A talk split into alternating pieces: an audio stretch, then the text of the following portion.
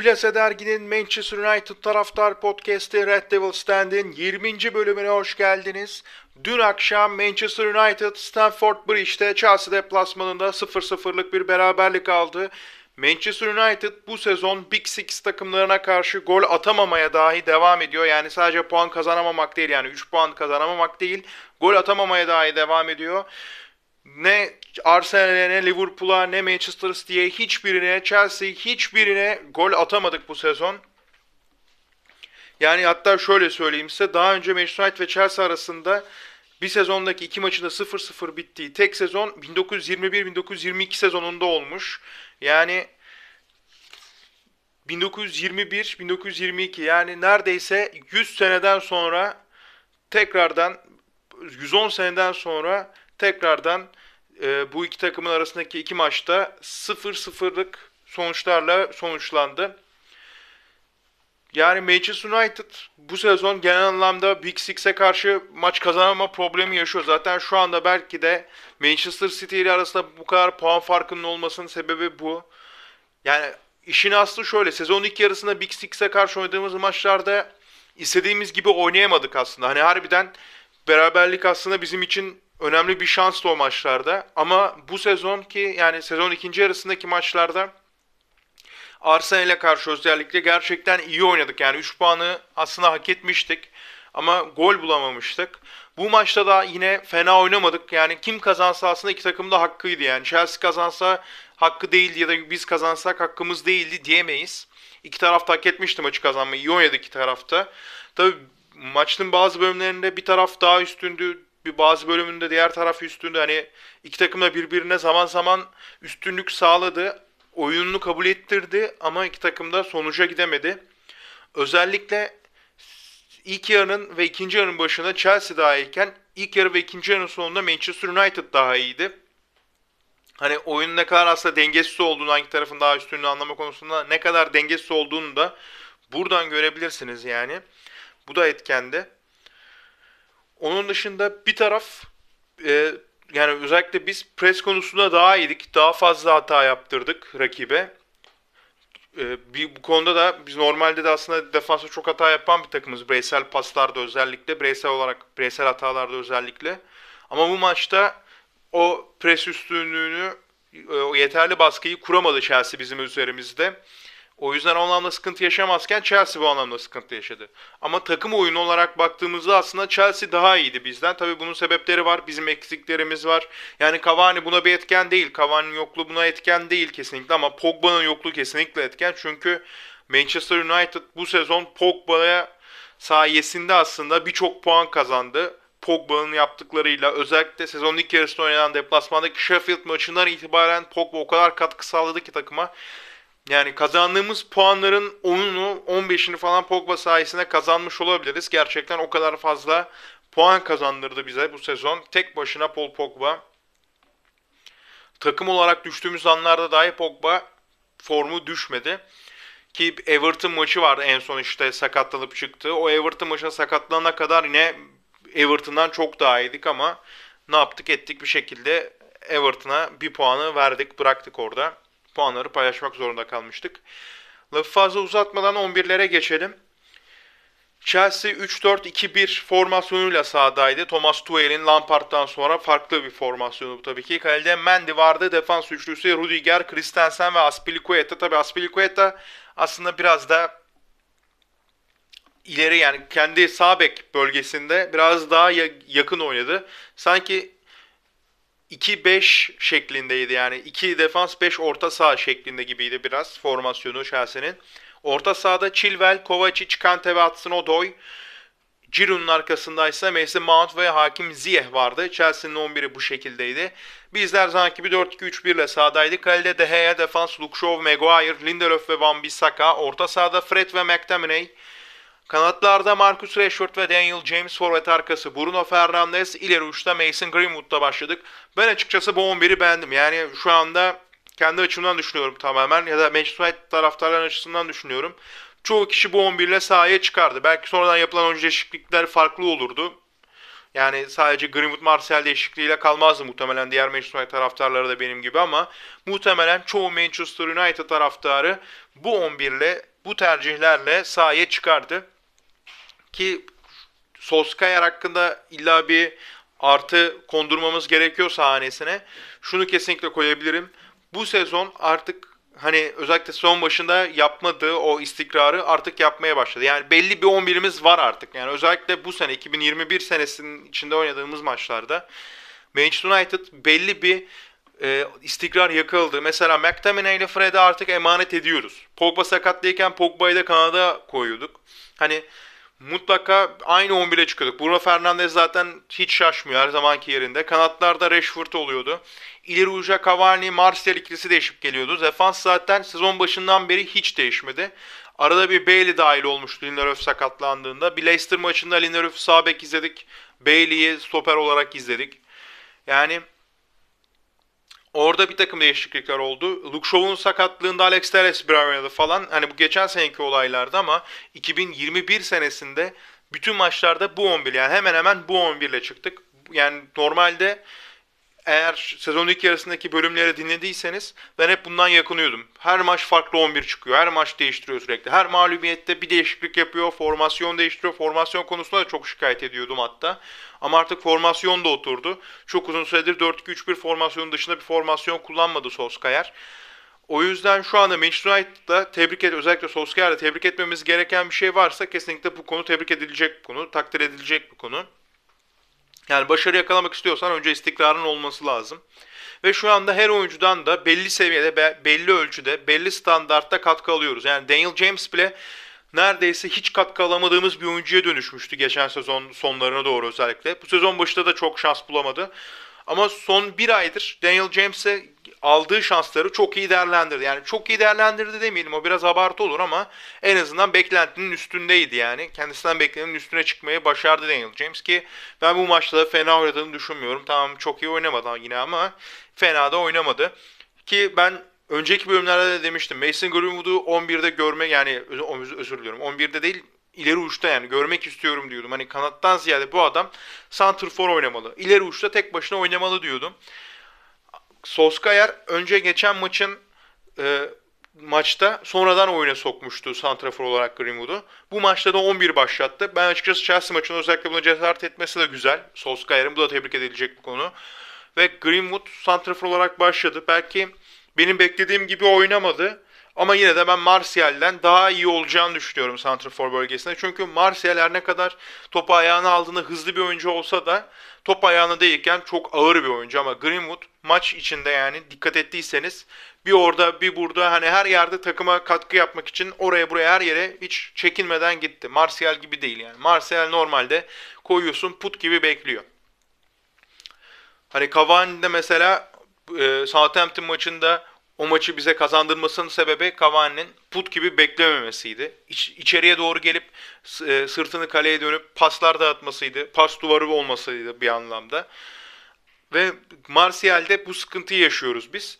Greenwood Martial'e göre işte bu farklılığı yaratıyor.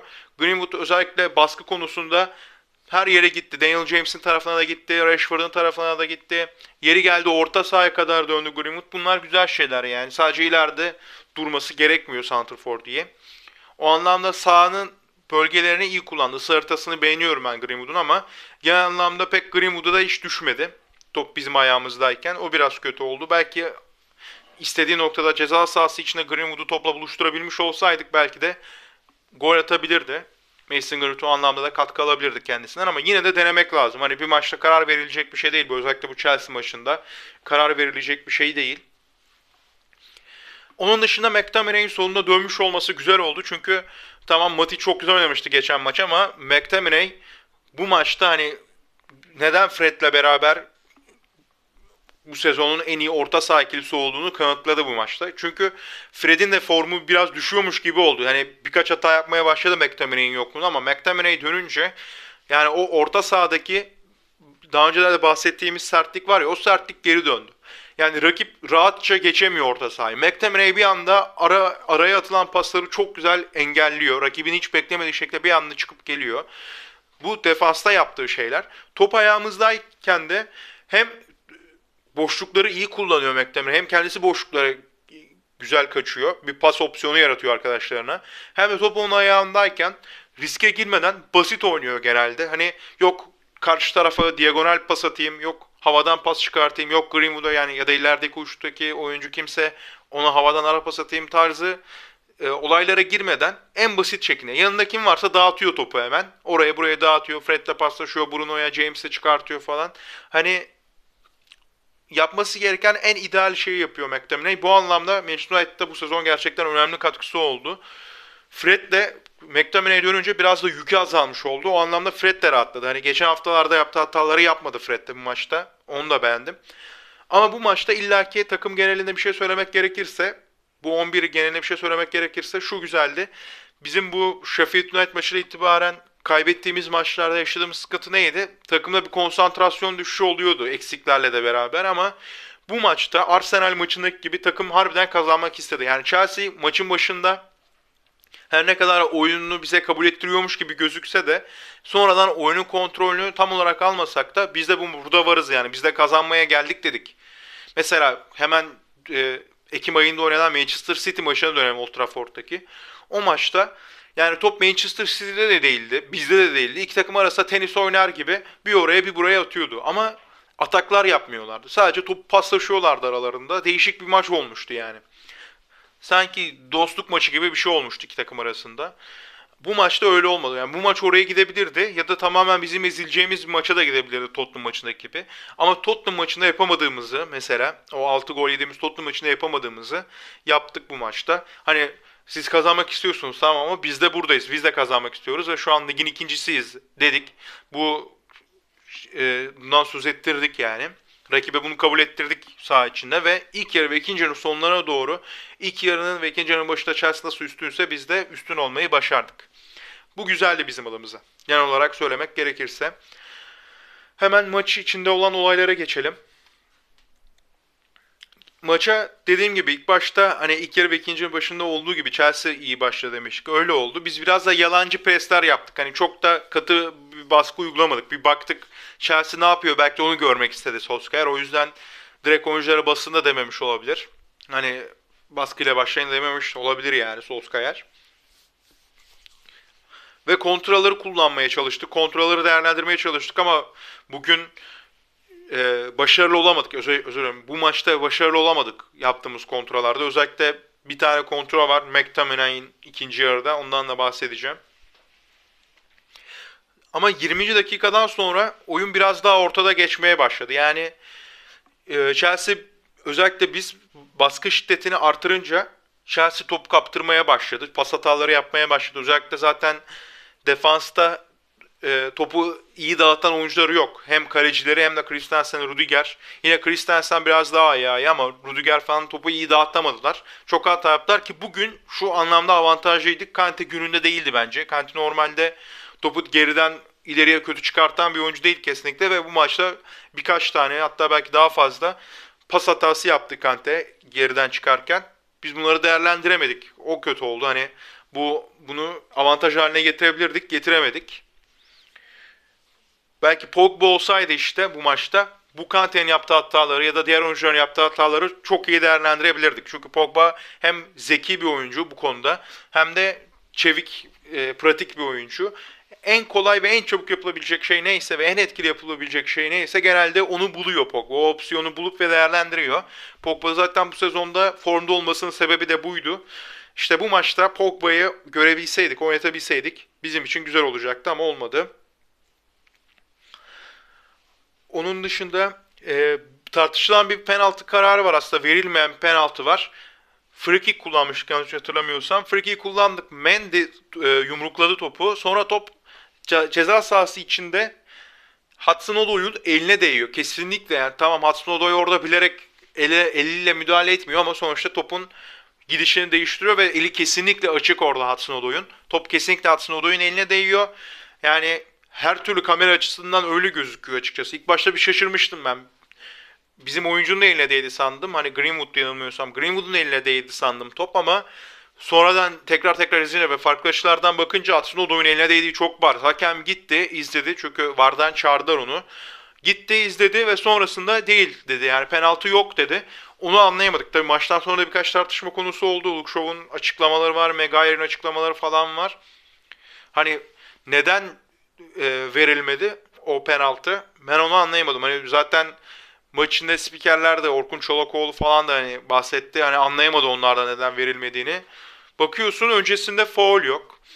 El desen eli açık ya da kendi takım arkadaşından sekip gelmiyor. Kendi vücudundan sekip eline gitmiyor. O yüzden çok anlam veremedik. Çoğu futbol severine anlam veremediğini düşünüyorum bu pozisyona ama verilmeyen penaltımız var gibi duruyor en azından şu anda. Ki son maçlarda hakemlerden çek, çekiyor yani Manchester United gerçekten. Hani şunu söyleyeyim. Ee, West Bromwich maçında hakemin yaptığı skandal hatalardan sonra bu hataya da pek şaşırmadım yani. Ama Chelsea genelinde de şu oyuna tekrar dönersek Chelsea genelinde şunu söylemek istiyorum. Thomas Tuchel'den sonra ne değişmiş Chelsea'de? Hani şunu kendi gözlemimi aktarayım kısaca. Yani Lampard'da takım direkt ileriye çıkıyordu. Hani normal atağa bile hani kontrollü yapmaları gereken atağa bile set oyunlarıyla yapmaları gereken atakta bile sanki kontra atakmış gibi hızlıca çıkmaya çalışıyorlardı. Hemen kanat oyuncusuna topu aktarıyorlardı. Kanat oyuncusu içeri çevirmeye çalışıyordu falan. Hani o şekilde biraz barbar bir şekilde gol bulmaya çalışıyordu Chelsea. Bunu bırakmışlar. Kesinlikle top önce ayaklarına bir çeviriyorlar, kontrol ediyorlar. Hani düzgün bir şekilde, mantıklı bir şekilde atak yapmaya çalışıyorlar ve daha önemlisi şu soğukkanlı oyuncular. Yani Normalde mesela dediğim gibi Eduard Mendy olsun, Rudiger Christensen olsun bunlar defanstan topu ileriye mantıklı şekilde, düzgün şekilde çıkartan oyuncu değiller. Mesela Lindelöf ile Maguire topu çok iyi dağıtan oyuncular top ayaklarındayken. Hani neredeyse bir oyun kurucu gibi oyunu kurabiliyor hem Maguire hem Lindelöf. Ama Chelsea'nin defans oyuncuları bu, bu tipte oyuncular değil. Hele Mendy hiç değil zaten. O yüzden Chelsea'nin bir anda bu soğukkanlılığa bürümüş olması onlar için büyük avantaj. Yani Tuel bunu katmış Lampard'dan sonra. Bunu kesinlikle görüyoruz yani. Aslında çok hata yapmaları sebebi de bu oldu geride. Hani bizim baskımızın altında. O kadar çok geride soğukkanlı davrandılar ki o soğukkanlılık bazı hatalara sevk etti onlar ama ilerleyen zamanlarda tabii ki bu hataları da telafi etmeye başlarlar. Mesela Kante'nin yaptığı hatalar ekstraydı. Normalde Kante böyle hatalar yapabilecek bir oyuncu değil. Onun dışında diğer oyuncuların da hatalarını düzelteceklerini tahmin ediyorum ben. Tuel'in bu anlamda olumlu bir katkısı olmuş. Yani hem aralarında önce paslaşıyorlar, oyunu bir eritiyorlar, sindiriyorlar oyunu daha doğrusu. Eritmek değil de sindiriyorlar oyunu bir. Daha sonrasında yapmaları gereken atak neyse onu yapıyorlar. Ve şu konuda çok iyiler. Havadan yani geriden ileriye doğru atılan paslarda, özellikle hava paslarında, havadan atılan paslarda, diagonal paslarda hatta isabetli pas buluyorlar ve etkili oluyor. Defansta zaten özellikle Maguire gibi rakip takımı defansında Maguire gibi ağır oyuncular varsa zaten çok etkili oluyor ki bu maçta aslında o, o yüzden gol yiyeceğiz diye ben çok korktum. Ama korktuğum başımıza gelmedi Allah'tan. Chelsea için de söyleyeceğim bunlar. Aklıma gelen ki şunu da söyleyeyim Chelsea demişken Hudson Odoi şanslı ikinci yarıda oyundan çıkması bizim şansımız oldu. Çünkü Luke Shaw'u çok yıprattı. Luke Shaw da Maguire gibi ağır oyuncu olduğu için bir de ikisi de yan yana oynadığı için biri sol bek birisi sol stoper. İkisi de yan yana oynadığı için Hudson Odoi orayı gerçekten yıpratmaya başlamıştı artık ilk, ilk yarının sonuna doğru. Hatta bir pozisyon var. Çok etkili gelmişlerdi. Orta açtı Hudson Odoi e, şeye Ciro'ya. Ciro uzandı kafayı vuracaktı. Şansımıza vuramadı. Hani orada bir saniyelik bir zamanlama hatası, bir adım geride kalmışlığın verdiği bir hatalı e, zamanlama hatası. Orada e, Chelsea'nin golü bulması da engellemiş oldu aslında. Biraz da şanslıydık o pozisyonda. Yani Lukşov tamam hiç oynamadığı kadar iyi oynuyor ama defanstaki hataları düzeltemiyor. Defanstaki hatalarını geliştiremedi. Yaptığı hataları düzeltemedi halen de ama şunu da söyleyeyim. Alex Telles olsaydı bu maçta Luke Shaw'dan defans anlamında daha iyi olmazdı hani bu maçta. Bizim zaten Alex Telles transferi aslında Shaw defansta daha iyidir diye düşürüp yapılan bir transfer ama Shaw ilginç bir şekilde bu sezon atakta o kadar iyi ki defansta da bir o kadar kötü. Alex Telles transferi bizim zararımız olduğu gibi duruyor şu anda Luke Shaw'un performansı yüzünden. Ama tabii Shaw eğer eskisi gibi kötü oynamaya dönerse Alex Telles daha iyidir yine Luke Onun dışında şunu da söyleyeyim yine ilk yarıda dikkatimi çeken bir şey. bizim ileride hani çok fazla etkili olmadık aslında şut anlamında pozisyon bulma anlamında ama yine bulduğumuz çektiğimiz birkaç şut özellikle ceza sahası dışından ve ceza sahası çevresinden civarlarından çektiğimiz şutlarda hep bir şekilde blok etmeyi başardı Chelsea. Yine Tuel'in lehine söyleyebileceğim bir şey bu. Chelsea normalde bu kadar konsantrasyon yüksek bir takım değildi ama topu kaptırınca Chelsea o kadar çabuk topluyor ki kendisine öyle kalmıyorlar bir anda saha içinde. Hani oyuncular birbirlerine bakmıyorlar. Hemen tekrardan top neredeyse ve rakip neredeyse oraya çoğunlaşıp oraya yoğunlaşıp hatta orada rakibi boğuyorlar. Yani bizim çektiğimiz şutlarda açılarımızı hep kapatmayı başardı ve o kadar çok bloke olan şutumuz var ki yani bakacağım şimdi kaç tane isabetli şutumuz var bizim. 4 tane isabetli şutumuz var. Kaç tane şut çekmişiz? Onu da görebiliyorsam eğer daha iyi olacak. Yani bu çektiğimiz isabetli şut sayısı normalde daha fazla olması gerekiyor. Yani iki tane isabetli şut, dört tane isabetli şut yazıyor. Altı tane şutumuz var. Yani normalde, normal şartlarda bu bloke edilmeyen şutları işin içine katıyor olsaydık, yani bak engellenen şut 5. Yani 5 tane net engellediği şut var Chelsea'nin ki bunların muhtemelen hepsi ya da çoğu ilk yarıda geldi. Yani böyle bakınca aslında bizim iki yarıda kesin gol bulmuş olmamız gerekiyordu. Çok etkili olduk çünkü iki yarının sonunda. Özellikle preslerimiz sonuç vermeye başlamıştı yani. Ve bu şutları engelleyebilmiş olması Chelsea'nin onların lehine oldu. Bu konuda yine Toyel takımını geliştirdiği bir şey söylemiş olabiliyoruz. İlk yarı bu şekildeydi. İkinci yarıda dediğim gibi yine Chelsea daha etkili başlayan taraftı. Hatta Manchester United ilk, ilk yarının başındakine göre daha da kötü başladı. Chelsea çok saldırgan başladı ikinci yarıya. Ve hani şunu da hatırlatalım Manchester United Newcastle United maçında da ikinci yarıya kötü başlamıştı. Pasif başlamıştı. Sonradan hemen toparlamıştık. 55. dakika olması lazım. 55. dakikada toparlamıştık. Ve e, bu maçta o kadar erken toparlayamadık. Tabii Chelsea Newcastle United'dan daha kuvvetli bir rakip. Yani normal aslında öyle olması ama yani Chelsea Chelsea'ye teslim olduk diyebilirim ikinci yarının başında. Neredeyse boğulduk kendi ceza sahamıza yani. Kendi yarı sahamıza değil ceza sahamıza boğulduk. Gerçekten çok iyi baskı kurdular ve topu iyi sakladılar ayaklarına ki şöyle şu an gördüm bunu. Toplam pasa bakıyorum. 608 Chelsea toplam pas bizim 445. Yani muhtemelen bu pas farkının bu kadar olmasının sebebi ikinci yarının başındaki o baskınlığı Chelsea'nin. Orada çünkü bayağı topta çevirdi Chelsea. Ama 65. dakikada şöyle bir şey oldu. 65. dakikadan itibaren ve 65 55 ile 65 arasında. Yani takım bir anda baskıyı artırdı tekrardan ve tekrardan dahil olduk oyuna. Top kazanmaya başladık ve püskürttük resmen hani Chelsea'yi kendi yarı sahamızdan. Bu bu an şunu söyleyebilirim hani bu konuda. Solskjaer hani takımı gerçekten çok iyi motive ediyor yani. Her ne kadar taktik, taktisyen olarak Solskjaer'i beğenmesem de çoğu Manchester taraftarı da aynı şekilde beğenmese de taktisyen olarak Solskjaer'i hani şunu itiraf etmemiz lazım. Oyuncuları zihinsel olarak çok iyi hazırlıyor Solskjaer ki hani şu anda Ferguson dönemine en yakın olduğumuz dönemi yaşamamızın en büyük sebebi de bu bence. Tabi şunu da söyleyeyim. Bruno Fernandes'in bir anda takımı yükseliş trendine geçirmesini de geçirmesi de hani çok büyük etken burada ama Bruno Fernandes'le beraber şöyle bir kopuklukla yaşayabilirdik biz. Hani Bruno Fernandes bir anda bu takımla ben fazlayım kafasına girebilirdi. Yani bu takımın başarısı için oynamak yerine ben bu takıma fazlayım deyip mesela önümüzdeki transfer sezonunda gitmeyi düşünebilirdi. Hatta belki daha erken takımdan ayrılmayı düşünebilirdi Bruno Fernandes ama öyle bir şey yapmadı Bruno Fernandes hem zihinsel olarak iyi e, adapte etti takıma Solskjaer. Hem de diğer oyuncuları çok iyi. Normalde Fred ile McTominay'in bu seviyede bir top oynayacağını kim düşünürdü? Kimse düşünmezdi. Hani ben tamamen McTominay'den çok e, sinemaki bir performans beklerim yani. Fred'den mesela. Ben Fred normalde Luke Shaw'la Fred'i zaten takımdan direkt sildiğim isimlerdi benim. Kesinlikle görmek istemiyordum bu iki isim ama iki isimden de alabileceğinin en iyisini almayı hatta daha iyisini almayı başardı. Bu zihinsel olarak hazırlaması, zihinsel anlamda Solskjaer. Hani o anlamda kesinlikle takdir etmek lazım Solskjaer'i. Aslında Fletcher ve Carrick'in şu anda e, yardımcı antrenör olması sebeplerinden birisi de hem zihinsel olarak destek olması hem de taktis, taktik anlamında Solskjaer'in eksiklerini gidermede yardımcı olmaları bu iki ismin. Yani illaki katkıları var. Zaten Fletcher daha yeni katıldı teknik ekibe ama illaki katkıları da var yani bu iki isminde. O anlamda onu da söyleyelim. şunu da söyleyeyim. Bu arada bu 65. dakikada biz baskıyı artırdık dedim ama 70 70. dakika ile 75. dakika arasında Chelsea tekrar kontrol eline alsa da biz maçı bırakmadık. Yani oyundan düşmedik. Teslim olmadık tekrardan ikinci yarının başındaki gibi.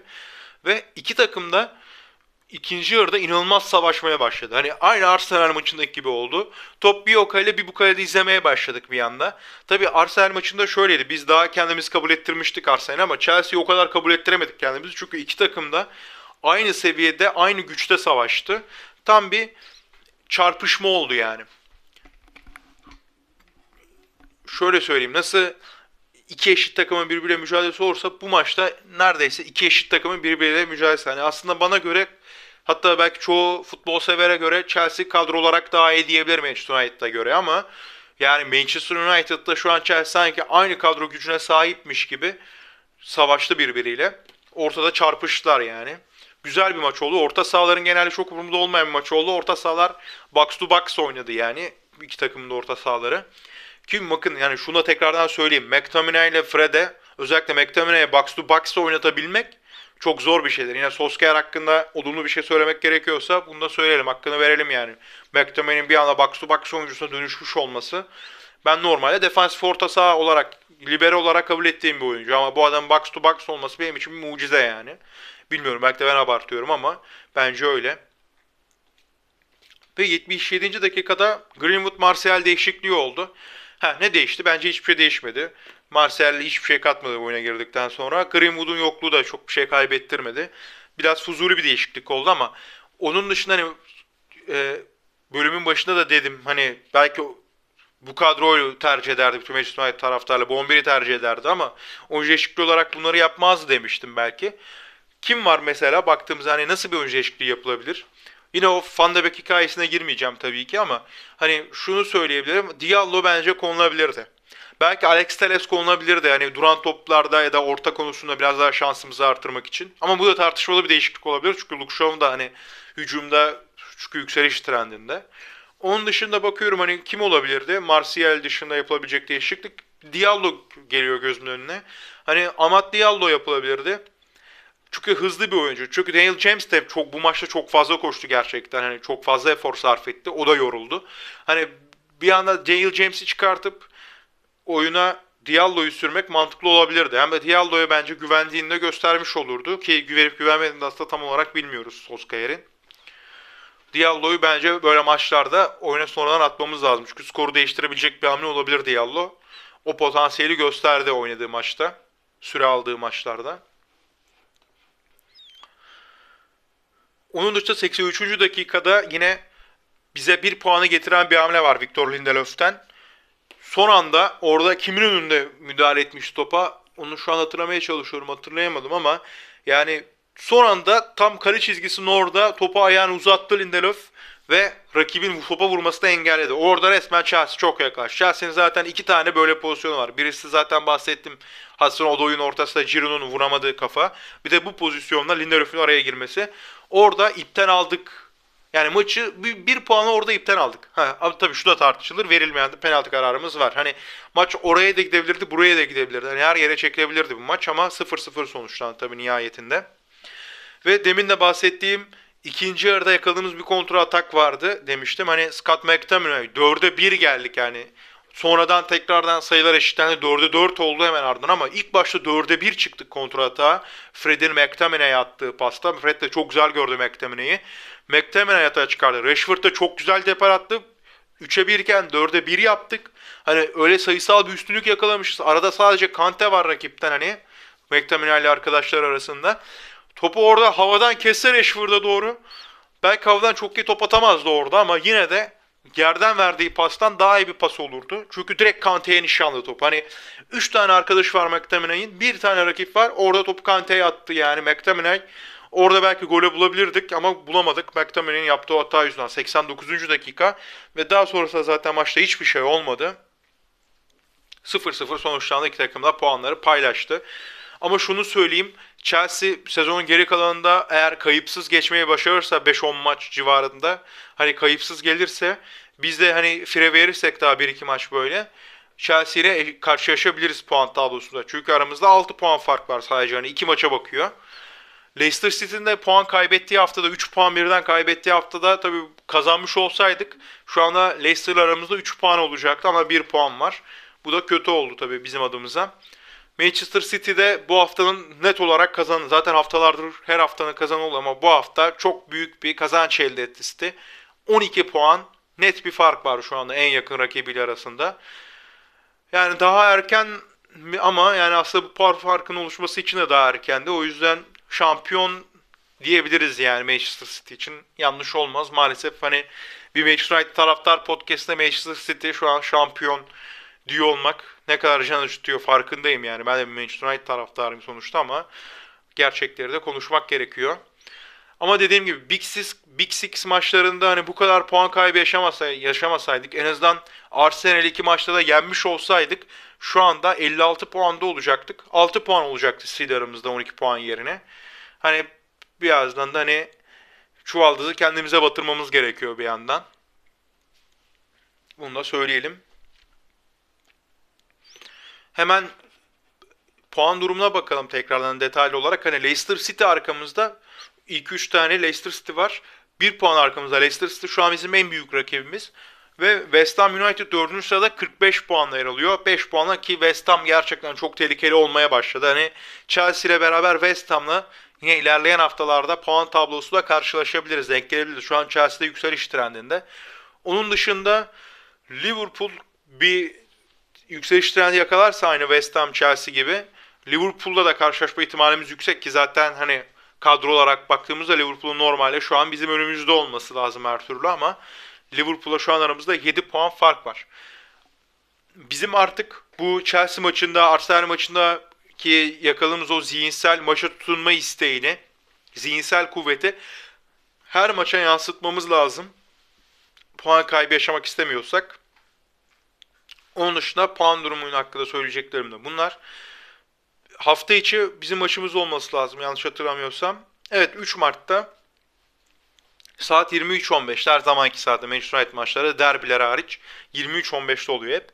23.15'te Crystal Palace'la oynayacağız deplasmanda. Londra'da olacak maç yine.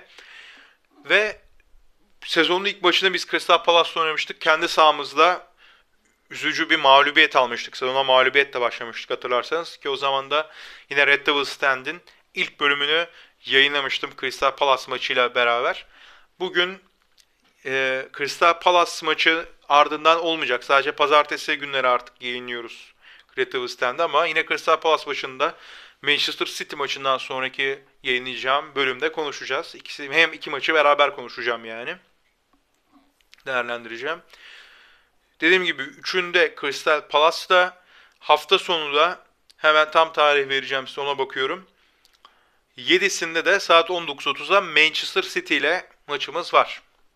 Yine deplasmanda olacak bu da. Manchester City'de de sezon ilk arasında 0-0 berabere kalmıştık. Golsüz beraberlikle sonuçlanmıştı Old Trafford'da. Onu da hatırlatalım. Fixture ve puan durumu hakkında söyleyeceklerim bunlar. 20. bölümün de sonuna geldik. 21. bölümde görüşmek üzere. Hoşçakalın.